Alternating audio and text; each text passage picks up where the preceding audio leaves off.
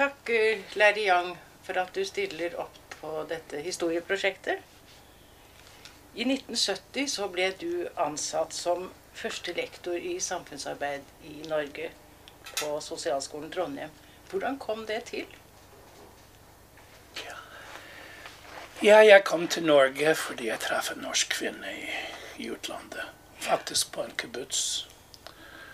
Og eh, det var den vanlige romansen. Og vi dro til USA. Hun trivdes ikke i Chicago, hvor vi bodde. Og um,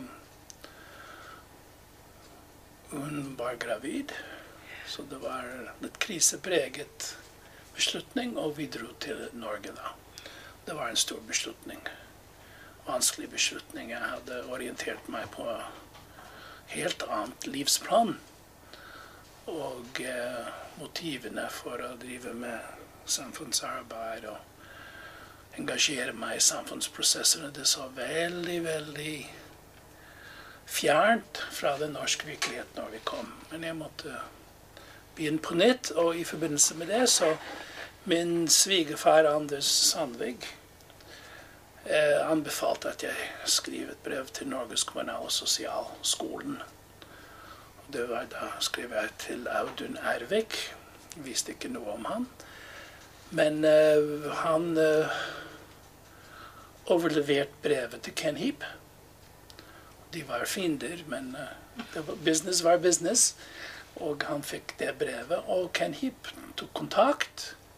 Var veldig begeistret for min resymé og at jeg kunne bidra med samfunnsarbeid. Jeg bare hadde behov for en samtale om hvordan jeg kunne komme i gang med arbeid. Og han understreket at jeg måtte komme inn i undervisningen fordi uh, uten norsk så var det håpløst i arbeidslivet. Men uh, bortsett fra på høyskolene, skolene denne gangen. Så han ringte til Lillian By, og jeg var intervjuet i uh, Grand Hotels lobby. Og da sa hun uh, du må komme til Trondheim og undervise for våre studenter. Vi tar en ukes seminar. Det beslutter jeg nå. Men jeg kan ikke ansette deg før Martha han har sett deg og hilst på deg og lyttet. Og. Så da ble det en ukes seminar, og da traff jeg uh, fakultetet i Trondheim og ble ansatt. Så det var gjennom ja, kontakter, uformelle og formelle. Men det var interessant at, at da Norges kommunale sosialskole, som vel var på den tiden betegnet som å være den radikale skolen, mens Trondheim og Lillian By Lillian By var jo en mektig kvinne som, som bl.a. gikk under betegnelsen skoleskipet på den tiden. Og mange mente at hun var, var konservativ. Fordi at det gikk historier om at hun kalte inn studenter på kontoret hvis de hadde for korte skjørt eller vært på byen og drukket øl. Men hun var i, i realiteten den som var radikal. da. For på den tiden så var samfunnsarbeid det mest radikale av sosialt arbeid. Men jeg tror også hun er en historie som er langt mer eh, radikal enn den flaggskipbildet. Mm. Hun var eh, Jeg tror det var i, i, Boston eller i New York, i hvert fall på gatene. Veldig tidlig i hennes eh, liv. Og, og spredde opplysningen om familieplanlegging og prevensjon. Mm. Og var, var altså en av de mest berømte eh, sosialaktivistene i USA i den tiden for familieplanlegging. Husker ikke navnet akkurat nå. Det burde vi finne, for det er en veldig, veldig berømt Elin Wegner? Nei. En veldig berømt eh, person, og hun jobber for henne på gatene der. Det, det var det mest radikalt man kunne bli i den tiden. Mm. Så hennes historie er mer sammensatt enn mange tror. Ja. På den tiden da du kom, så var samfunnsarbeid ukjent i Norge. Selv om det var begynt en del å vokse frem en del aksjonsforskningsmiljøer blant velferdskritiske sosiologer. Og, men som gren av sosialt arbeid så var dette noe, noe nytt. Og hvordan, eh, hvordan presenterte du samfunnsarbeid for, for sosialarbeiderne? Ja, jeg uh, presenterte det på den måten jeg lærte det ved University of Chicago. Ja. Og da var det veldig viktig å skille mellom det politisk og det partipolitisk. Så sosial aksjon og samfunnsarbeid har et veldig politisk preg. Men den, er, den har ikke en partipolitisk preg. Og hvis man driver med de tiltakene man driver med, får en parti, så er det en middel til å nå et mål. Og da er det ikke sosialt arbeid. Mm. Men hvis man driver med politiske aksjoner fordi man vil endre samfunn, forbedre samfunn, hjelpe folk i uttrykk for deres behov og for deres ønsker, så var det innenfor sosialt arbeid. kan du si. Så den der ikke partipolitisk, men, men politisk. Det er et politisk krav og ber om barnehagedekning. Det er en krav som folk i alle partiene kan bli enige om. Og uh, det var den type logikk jeg prøvde å formidle. Så samle folk som hadde det behov hjelpe dem å finne måter å gi uttrykk for det behov. Det er mange måter å gå. Eh, for, eksempel uten at jeg visste om det. Min, min fru denne gangen og vår barn Hun hadde en, en kvinnegruppe. Og hun hadde hørt meg selvfølgelig hjemme svare på lignende spørsmål. Og hun hadde plukket opp både her og der, og eh, hun fant ut at den gruppen hun tilhørte, skulle okkupere eh, borgermesters kontor i Trondheim. Og eh, sit-in, sit det var en typisk sosial aksjons, uh, aksjonsform denne gangen, med krav om barnehagedekning i Trondheim. Sitte altså sette, Sitte- sette seg ned. Sette seg ned på gulvet på ordførerskontoret. Og eh, hun nevner det. ikke sant? Og jeg sa skal du virkelig det? Så sa jeg men det er jo ingen vits hvis ikke du nevner det til alle avisene. Du må gjøre en forvarsel, du må ha noen kontakter så at den blir publisert. Det er hele poenget. At den, det er en del av dagsorden. Ah, det fikk hun tak i um, Adresseavisen. Og så var det et svært bilde på første siden med henne og små rullingene. på, ikke? Og de jentene eller de kvinnene satt der nede med sine barn og lekte på ordførers kontor. Det var veldig fredelig, ingen politi osv. Men plutselig var barnehagedekning et, en sak. Det er en del tiltak. Bjørn hadde gjort eh, lignende aksjoner, han som eh, tar opp videoopptak.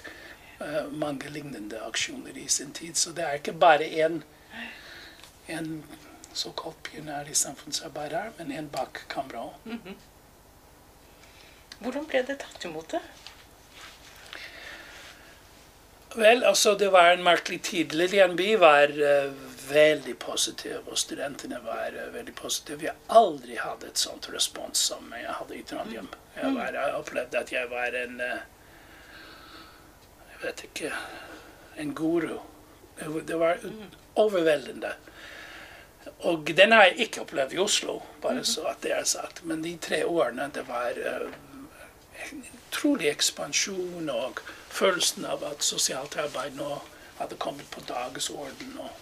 Men samtidig så var det AKP var i sin utvikling, og det passet i deres um, mentalitet også.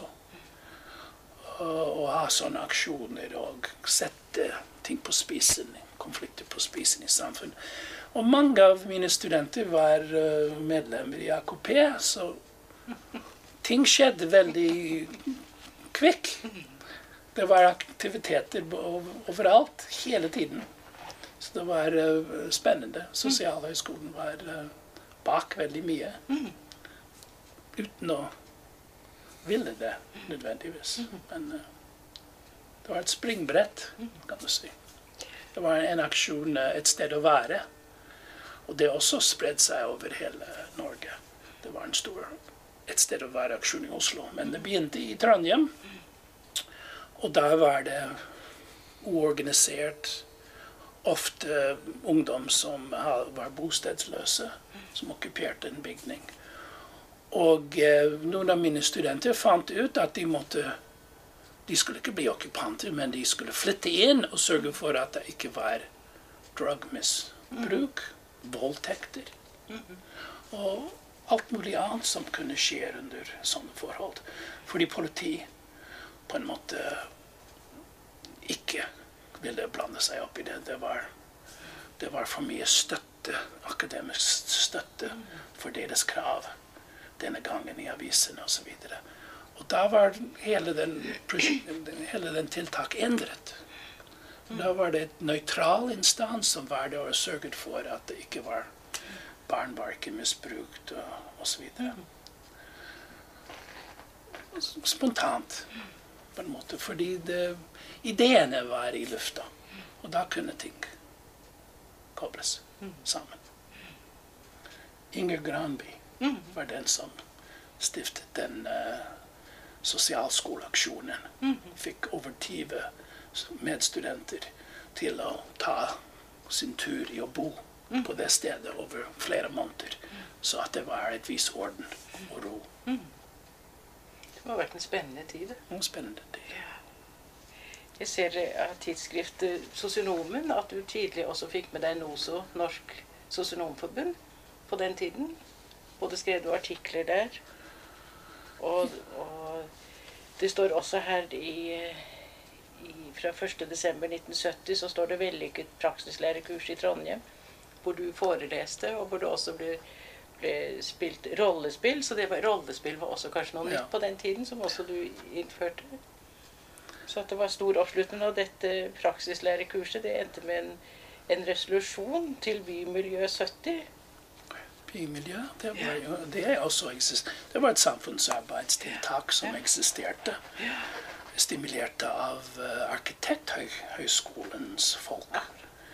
De mente at uh, byplanlegging uh, var mer eller mindre ikke-eksisterende. Og at uh, den planleggingstradisjonen i, i, Norden var ikke godt nok ivaretatt i Trondheim. Og det var spesielt uh, trafikkproblemene. Det begynte å bli for tett og ubehagelig i byen. Og det er en veldig vakker by. Trondheim, og ble, de mente at det var synd at det, det vakkert og fredelig skulle forsvinne fordi bilene skulle ha så mye plass. Og de organiserte sine studenter denne gangen. Så da ser du at det, disse tiltakene var, var, ikke kun i sosialskolen, men det var i tiden. Det kom fra antageligvis delvis eh, fra borgerrettsbevegelsen i USA. Og også de der eh, 68-tiltakene i Paris, som også spredte seg. At det var, eh, det var den tidspunktet hvor folk ville delta. Det var de kanalene for deltakelsen som var me mest godkjent. De var ofte lukket. Ikke så lett tilgjengelig alle steder. Og da ble på en måte sosial aksjon og gata et et sted hvor uh, dagsordens saker skulle tas fram. Uten medie kunne ikke det gått, fordi det, det, var felles interesser. ikke sant? Folk ville selge aviser. Og TV var utbredt. Vi måtte ha noe på TV som var spennende. Så det var felles interesser av de som hadde noe å påpeke, en krav å, å fremme, de fant villige partnere både i avisverden og TV og radio. Så det var rett, rett, det var, det var rett tidspunkt. måte rett tidspunkt. Ja. Og lett. Og, ja. Og gøy var det. Mm. Jeg har nesten lyst til å komme tilbake til det at du ikke fikk ansettelse på Norges kommunale sosialskole, men at det var eh, Trondheim som, eh, som hadde en åpen, åpenhet. Jo, vil du ha kommentarer om det? ja, jeg syns det er interessant. Det er en stor historie bak det. Altså, jeg søkte ikke stilling der. Og, og, med, og var ikke invitert der. Men, men øh, problemet var at Ken Heap var allerede der, og det var motsetningsforhold mellom Ken Heap og Kari Heap og øh, Audun Ervik. Det var to fløyer. Den ene var godt koblet la oss si, til Arbeiderpartiet og en mer tradisjonsforankret eh, forankret eh, formidling. Og eh, Ken Heap var en utlending, fremmed. Og jeg tror det i den tiden så det var litt sus suspekt. Bare det i seg sjøl. At man var utlending. At var utlending. jeg tror det, ikke sant, De hadde én, og han hadde tatt ganske mye plass. Og hvis han tok veldig mye plass, så det var da litt mindre plass for Ervik å briljere. Og, og så det var, det var noen spenning der. Og Kari Kilén, en annen- såkalt pioner i, i Norge, hun var også en av de mest eh, dreven eh, undervisere eller forelesere i sosialt arbeid med individer. Og hun var markert og hadde veldig sterke meninger. Og når du har læremøter, og det er ganske mange med sterke meninger, så er det lett å forstå at det kan være uenigheter og vanskeligheter. Så de to var sett på som en vanskelig par, og det var ikke samarbeid i det hele tatt. Så det var ingen sjanse, sa sjøl, at bare at du er fra USA, var ingen sjanse her, men det er mange andre steder hvor eh, de vil være interessert for deg til å møte deg, og, så kan man si. Men hans, hans råd var um, Sosionomene skriver veldig lite i Norge, så eh, hvis du vil få en jobb, skriv en bok om samfunnsarbeid. Det syns jeg var et stort krav. Ja, jeg ville egentlig ønsket en jobb i praksis, og etter hvert lære norsk osv. Men, men nei, nei, jeg måtte på utdanningssektor. Jeg hadde hovedfag, og nei, det, var absolutt det riktigste. Og jeg måtte skrive. Så Ken Heap som dittet og dittet. Så sa jeg OK, jeg skal skrive der en liten tekst, sa jeg. Lover du det? Så, ja, da skal jeg spre det ordet. Du holder på å skrive en tekst. Da blir du interessant. skjønner du. Så derfor kom, Den kom den lille teksten. Bare Den har vi her. 56 sider. Og den er, er eh, utgitt av tidsskriftet Sosionomen Ja. i 1971. Og i forordet så takker du Lillian By for at hun la til rette arbeidsmessig for deg, slik at du kunne få skrevet denne. Ja.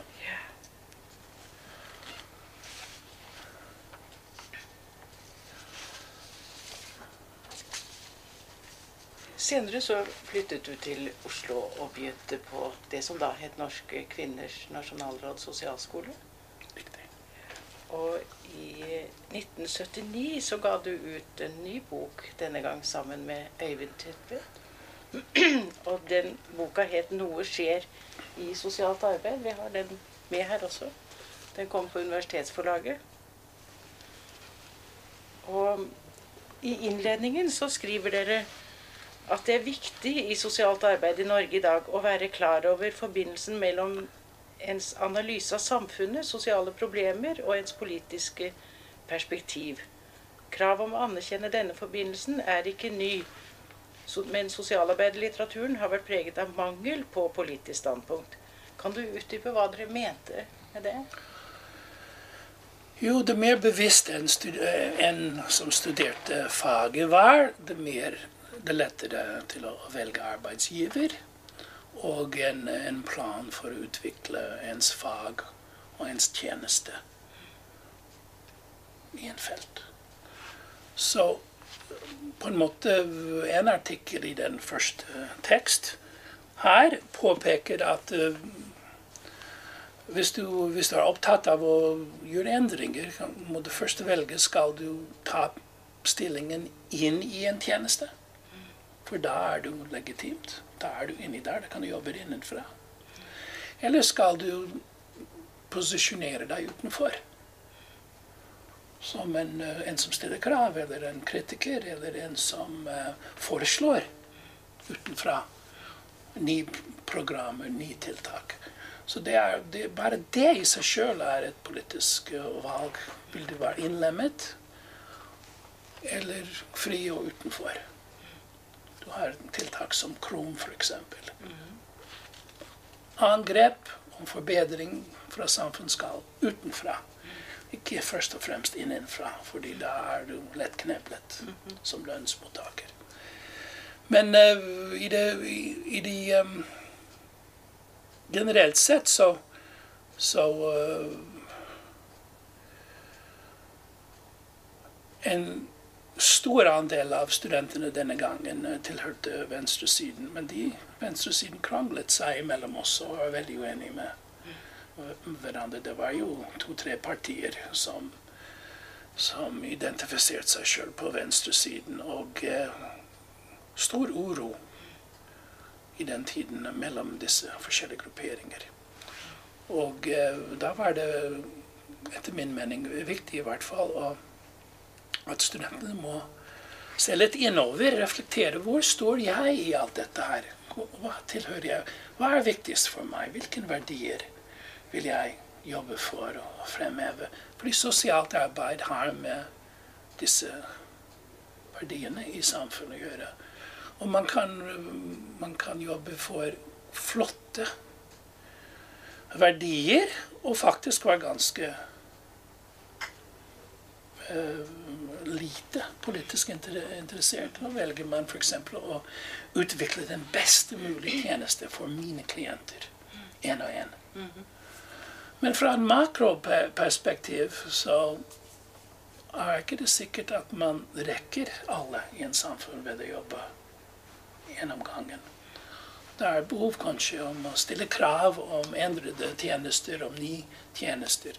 Og det er kanskje også behov for å involvere klientene sjøl, så at de finner sin egen stemme.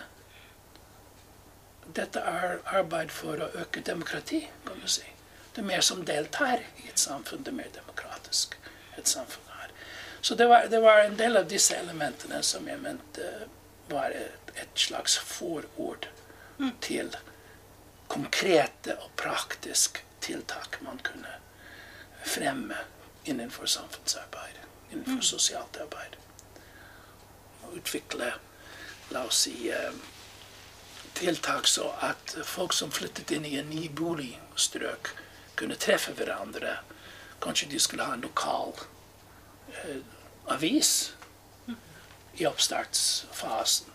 Eh, når man bygget dette stedet, var det samlingslokaler planlagt på borettslaget eller i nærheten. Hvis ikke, så må, må man snakke med Obos eller Tobb, så at de begynte å tenke i de banene. Det, så at folk hadde en sjanse til å komme sammen og ta ansvar for sitt egen lokalsamfunn. kan du si, utviklingen. Så veldig mange prosjekter i den, denne tiden det var i samarbeid med sånne boligbyggelag.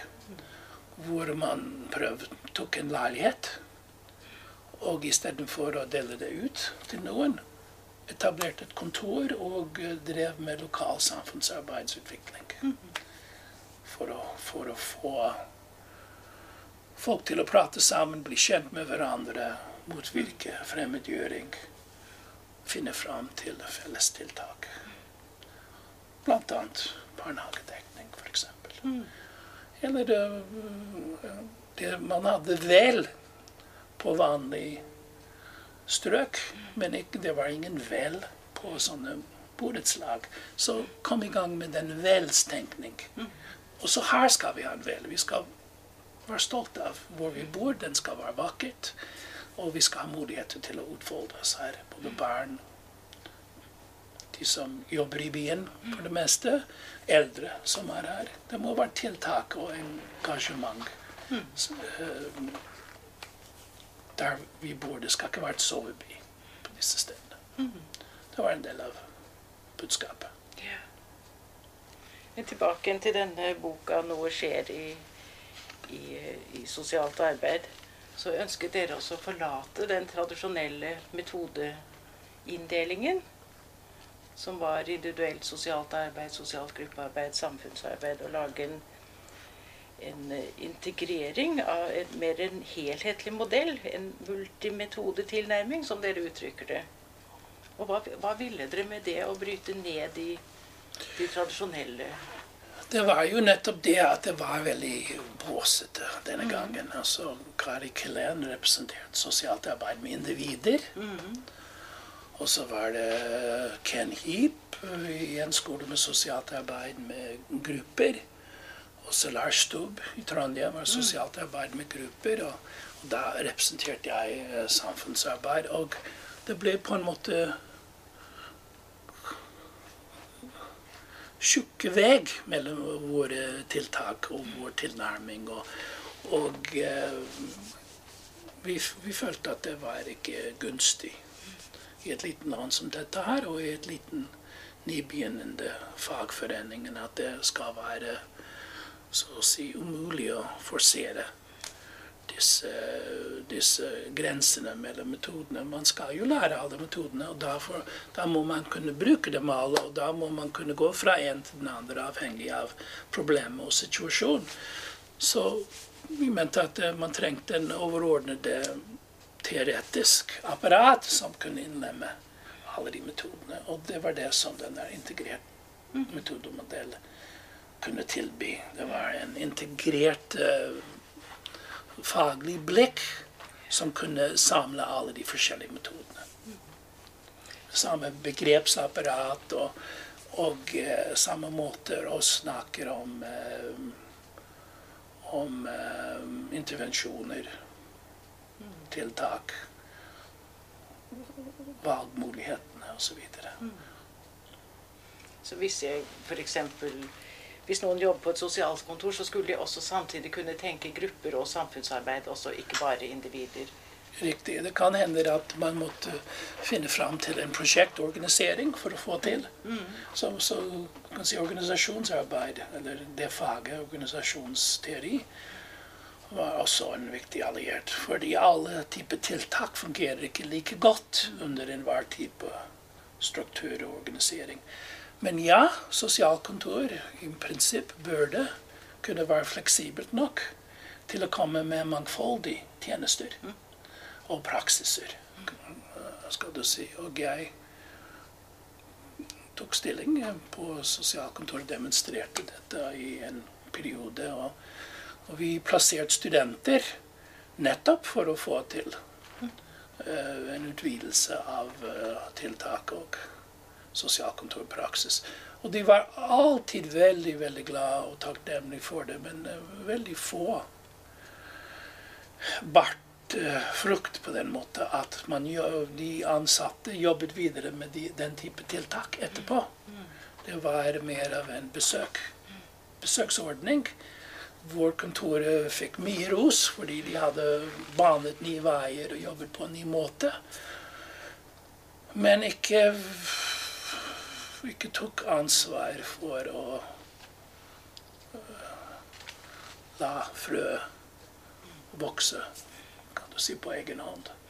Så etter hvert uh, jeg begynte å bli lei det. Altså, og da var det spørsmål om uh, at noen måtte tenke mer organisatorisk. Hva måtte til for å få til mer grunnleggende utvikling, metodisk utvikling i, i, Norge. Fordi hvis man gjorde sosialt arbeid med grupper, så var det en tiltak. Samfunnsarbeid var en tiltak. Og så når prosjektet var ferdig, så var det ferdig. Og det er litt sint. Men denne boka den bygger på, på undervisning, som dere gjorde, som du sier, med prosjekter. Fordi at undervisningen i sosialt arbeid besto av prosjekter, sånn som jeg oppfattet boka. Ja, altså Når du skaper et prosjekt, så på en måte bryter du den vanlige organisasjonsform. Mm. -hmm. Hierarki ikke sant, med sjefen og underordnede, og du har den der pyramidstruktur og med alle ledd. Du lager noe kunstig, en kunstig grep for å begynne på nytt i problemløsning. Og lave, prøver å tenke hva vi trenger for å stimulere tiltak for å få i gang la oss si lokalbefolkningen. Apparatet var bygget til å tjene lokalbefolkningen én og én. Det er jo rasjonelt og en formål. Men man kan ikke drive samfunnsarbeid så lett på den måten. Ikke sant? Jeg anbefalte en gang at ok, hva hvis vi drev med klientarbeid fire dager i uke og tok én dag i uke ut i lokalsamfunn? Kunne vi teste det ut? Og det var noen som prøvde det, å ha en prosjekt i lokal. Prøve å organisere. Men det var vanskelig. Det var veldig vanskelig å skifte gear. Så jeg tror nok at prosjektorganisering, en tiltak, fungerte bedre på stiv hierarkiske organisasjoner. Men det som trengs, er en annen type skapning for å drive med community development. Eller lokalsamfunnsutvikling, kan du si. Det, det kunne man ha en avdeling i uh, sosialdepartement eller i andre departementer for å utvide det, utvikle det. Første kan sosionom i samfunnsarbeid være um, uh, Dørum. Jeg tenkte han har en politisk karriere. Han vil komme i posisjon. Han kan få det til. Han har blitt justisminister og både det ene og det andre, men han har ikke fremmet noe forslag om at lokalsamfunnsutvikling skulle være nasjonal tiltak. Og en ny type En ny måte å intervenere i det norske samfunn. Man gjør sånne grep i utlandet med, med tiltak og penger uh, i utenrikspolitikk uh, med ikke sant, aid i Afrika osv. er veldig veldig ofte organisert rundt lokalsamfunnsutviklingsprosjekter. Så det er et merkelig deling at det som er bra for Norge å drive med ute i verden, er én ting.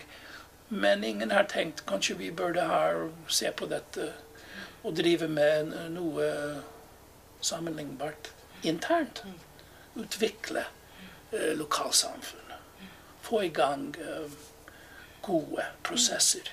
Særlig når eh, det har vært en enorm innvandring og vanskeligheter i 30 år med integrasjon. Ansettelse av uh, innvandrere, innvandrere, i arbeidslivet. De var jo stengt ut. Uh, på veldig, veldig mange områder. Så etter min mening lokal samfunnsutvikling kunne vært en en kraft mot den type utestengning. Mm. Og får mer involvering om man kunne ha begynt for 30 år siden. Mm. Men um, vi gjør ikke det. Denne boka handler jo også om at eh, dere brukte prosjekt som, som undervisningsmetode ja. i utdanningen av sosialarbeidere. Og det var en metode som også spredte seg til de andre skolene. Dels ved utveksling av erfaringer mellom skolene, og dels ved den boka. Men etter hvert, hvor, hvor ble det av prosjekt som, som undervisningsform? Ja, altså Vi har en form for prosjektarbeid uh, den dag i dag. Men um, jeg kan si at uh, jeg holdt på i 20 år med prosjektarbeid fordi det var en en form for prosjektarbeid i skolene som tillot en form for samfunnsarbeid. Mm -hmm. Vi holdt på med prosjekter i seks-syv måneder, kanskje lenger. Deltid. Studenten jobbet 50% i prosjektarbeid, og så hadde de andre kurs for det resterende 50% Og ved å ha nok tid til at en tanke kan groe, en, en aksjon kan spre seg. Uh, at man finner lokalbefolkningen som er villig til å samarbeide. Og, altså det tar tid. Og det vi har uh, altså I 1990, tror jeg det var, eh, mine kjære kolleger bestemte at prosjektarbeid skulle endres fra seks-syv måneder til syv uker fulltid.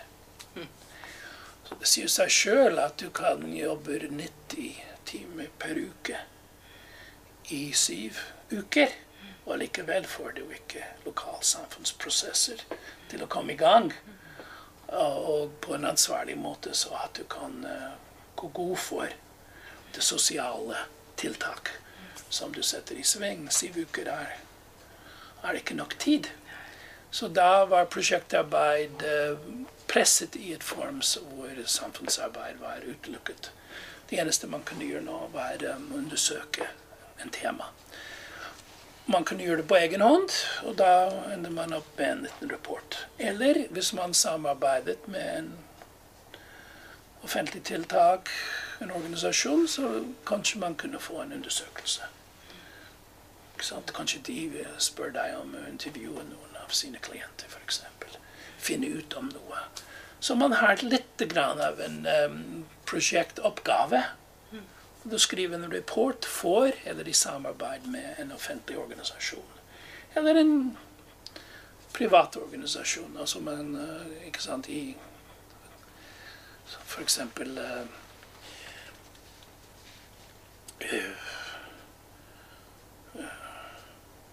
Man kunne ha et samarbeid med Hjerte- og lungeforeningen. Mm. Hvis de ønsket å gjøre en undersøkelse, så kunne de ta kontakt med skolen og få en studentgruppe. Den type prosjekt kan man fortsatt drive med. Men det er ikke mange som tar i bruk den muligheten spør skolen om den samarbeid. For de sier jo ikke du får ikke så mye ut av studentene. De må orientere seg, de må finne ut hva prosjektet er, de må lese litteratur om det, de må ha ganske mye interne diskusjoner før de er forberedt til egentlig å møte andre innenfor en prosjektramme. Så, så snart de begynner, var det avslutning. Så, så, jeg var veldig skuffet over det. Det var, um, det var egentlig bare Øyvind Tutvedt og jeg som ønsket en, den lang versjon. For da gjorde det mulig for endringsarbeid. Vi, det var ikke noen krav at hver eneste prosjektarbeid måtte ha en endringsarbeid perspektiv, men muligheten for det var der. Og da, da var det en diskusjon mellom veileder, studentene sjøl, hva de ønsket, samarbeidspartner. Da kunne man ivareta den der kraft. At uh, poenget med vår profesjon, det er å være en kraft for et bedre samfunn. Og det Det skjer ved å jobbe på mange fronter samtidig. Gode tjenester, ja. God én-til-én-tjenester er vesentlig. Kvalitet. Når et profesjonelt menneske møter en annen, møter et medmenneske, møter den med respekt. Absolutt. Ingen ser ned på det tiltak. Men det er veldig begrenset tiltak hvis du tenker at sosialt arbeids mål er å være en stadig kraft for et bedre og bedre samfunn.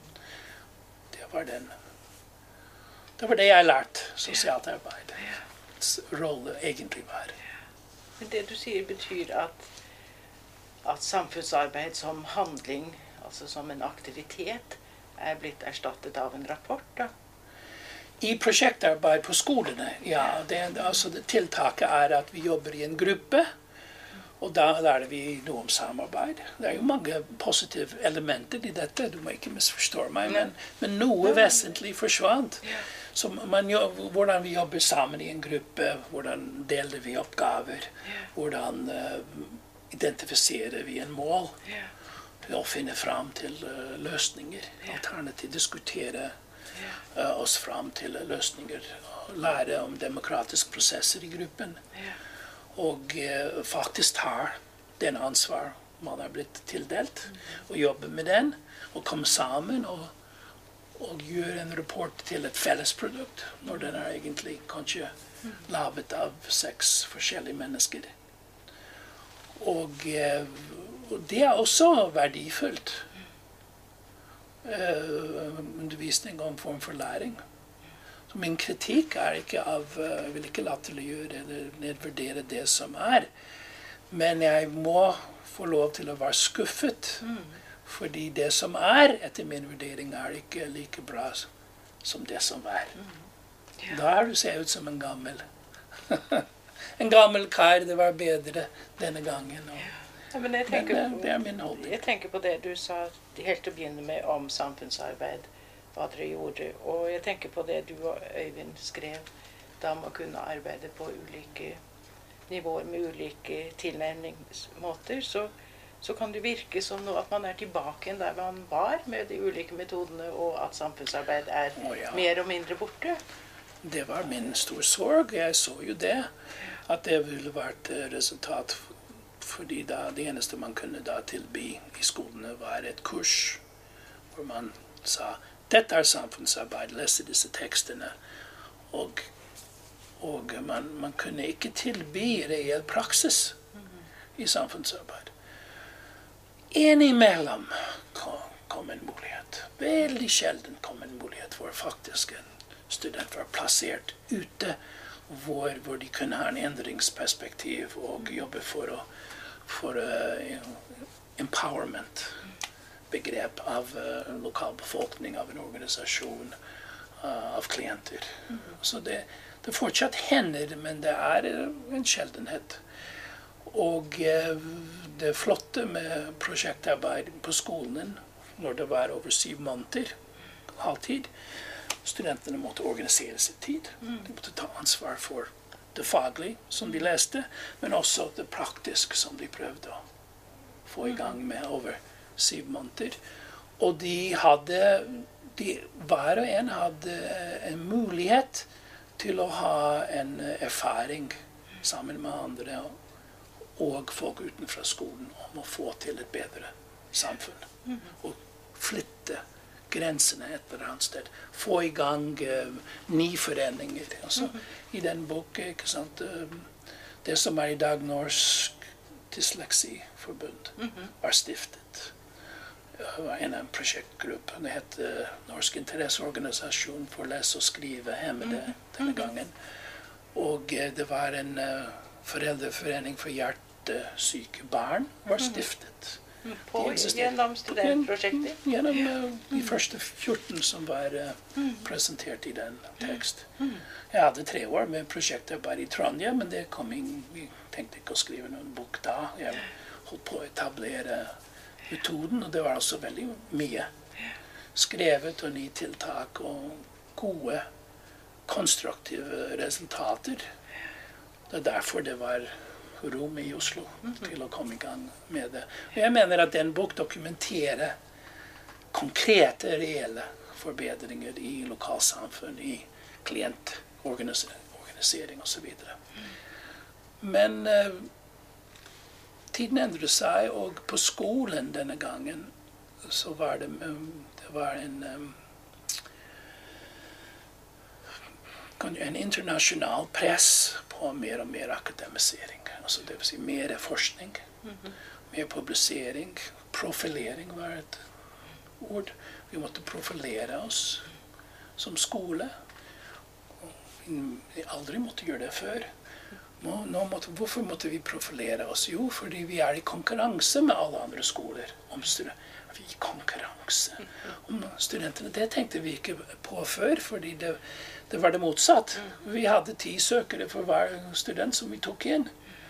Jo, men nå, nei, nå var alt en, under endring, vet du. Og eh, globalisering, internasjonalisering. Og med alle de prosessene kom den akademisering våre, våre lektorene, ikke sant. De måtte ha det samme prestisje som alle andre. De måtte produsere, de måtte skrive forskning. Og da, og da var det egentlig faktisk sagt at de, de lærerne som ikke driver med prosjektarbeid, vil ha syv uker til å forbedre artikler eller gjøre full tid med forskning. Det var en av de argumentene som var brukt. Det ville vært lettere til å få noen forskningsfri, fordi det var en del av kampen. ikke sant? Å ha tid til å konkurrere internasjonalt med andre som skrev. så det er mer av vår virkelighet nå. Jeg opplevde i hvert fall i 70-årene og 80-årene at det var en, mer av en um, samfunnsendrende orientering i fakultetene. Hvor det enn var i, i Norge på sosialhøyskolene. De ønsket å bidra utvikle tjenester. Og, og fokus var samfunnet. Byen, hvor skolen var strøket utenfor eh, nabolagene. De ønsket å gjøre, gjøre, gjøre eh, en inntrykk eh, på lokalsamfunn og få lokalsamfunn til å være sterkere og mer, ha mer selvtillit. Og, og i dag jeg opplever at den er fullstendig borte. Mm. det som preger um, samtalene i dag, er um, det nye forskningsprosjekt som jeg har kommet med. Eller er internasjonalt forskningsprosjekt. Og det er klart at endringer nå på skolen går i den retninga. Frigjøre tid og produsere mer. Jeg kritiserer ikke det uten videre. Det er jo en del av det vestlige verden, i hvert fall. Som Norge er en del av. Men jeg savner den praktisk og praksisnær virkeligheten vår. profesjonens første mål er levevilkår av klientene. Mm. Og om å, å, å, hjelpe folk til å hjelpe seg sjøl. Mm. Og bruke alle mulige metodene for å nå det målet. Det syns jeg har tatt en uh, baksete til uh, statusjag forskningskrav og og den status man får ved å ha publisert veldig mye. Så i løpet av de snart 40 år du har vært uh, engasjert med sosialarbeiderutdanning, så noe av det du sier, er at fokuset fra at det var på samfunnet, på, på brukergrupper, så er fokuset vendt innover da, mot de ansattes prestisje og status. Ja. Skolens prestisje og din egen prestisje som en arbeidstaker. Man har den um, ikke sant, karriererangen, ikke sant, lektor, førstelektor, førsteamanuensis, mm. professor. Så den stigen der er dominerende. Og man gjør veldig mye på skolen til å hjelpe folk å komme i gang med, med sin reis opp den stigen. Og uh, det det har sine årsaker og sine formål. Og jeg vil ikke si at jeg er en motstander. Men uh, man kan ikke gjøre alt samtidig. Og veldig ofte når man velger en linje, så det kommer på bekostning av andre ting. Mm. Og her mener jeg at bekostningen har gått på å utvikle det politiske side av sosialt arbeid. Så, og hva er det? Jo, det er empowerment av klientgruppene. Mm. Kraftigere deltakelse av disse gruppene i samfunnsdiskusjonen. Og ikke først og fremst at en drugmisbruker er intervjuet anonymt på en TV-program. Mm. Hvor man ser at tennene råtner litt, og hvor vedkommende forteller om det vanskelige liv man har. Helt og isolert. Man har funnet en modig menneske, et menneske som har ikke noe å tape lenger. Derfor Så det er noe annet enn å, å få en forening som har en mål og eh, ønsker å jobbe for bedre vilkår for sine folk. 50 minutter. Ja, jeg har lyst til å gå tilbake til Chicago, hvor du vokste opp, og hvor du også studerte. Ja. Og Chicago var det stedet Jane Addams startet det første settlementet, Hull House. Var det en inspirasjon for dere studenter? Uh, jeg hadde min første praksisplass på Hall House. Ja. Den, da var det, det, altså det var ikke én bygning lenger i én distrikt. Men faktisk det var seks bygninger i seks distrikter i Chicago. Og jeg var i den uptown branch. Og det var veldig sammensatt eh, nabolag, og det var veldig spennende og fabelaktig praksis som jeg hadde. Og det var en inspirasjon for meg, ja, absolutt. Men um,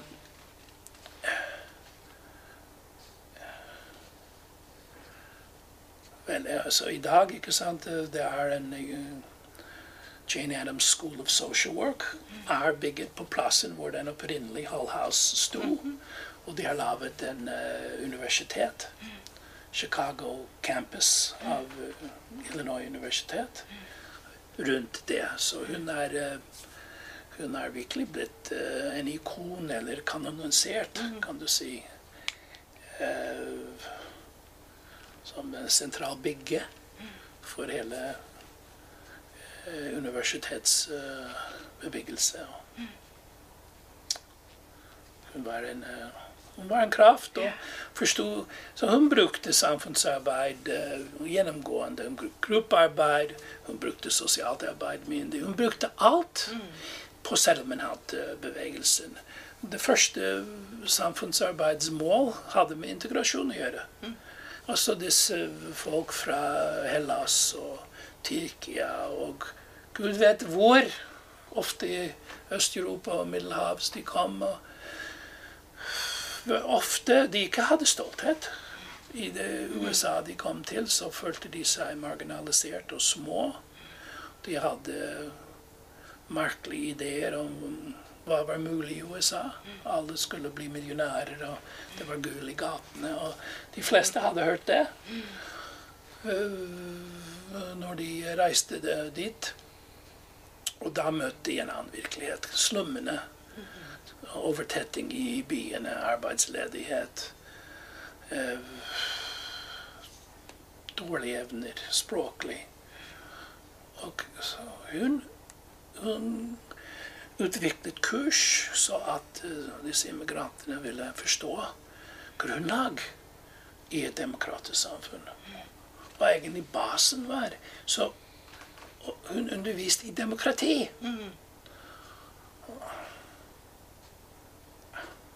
Et revolusjonær tiltak for disse menneskers liv.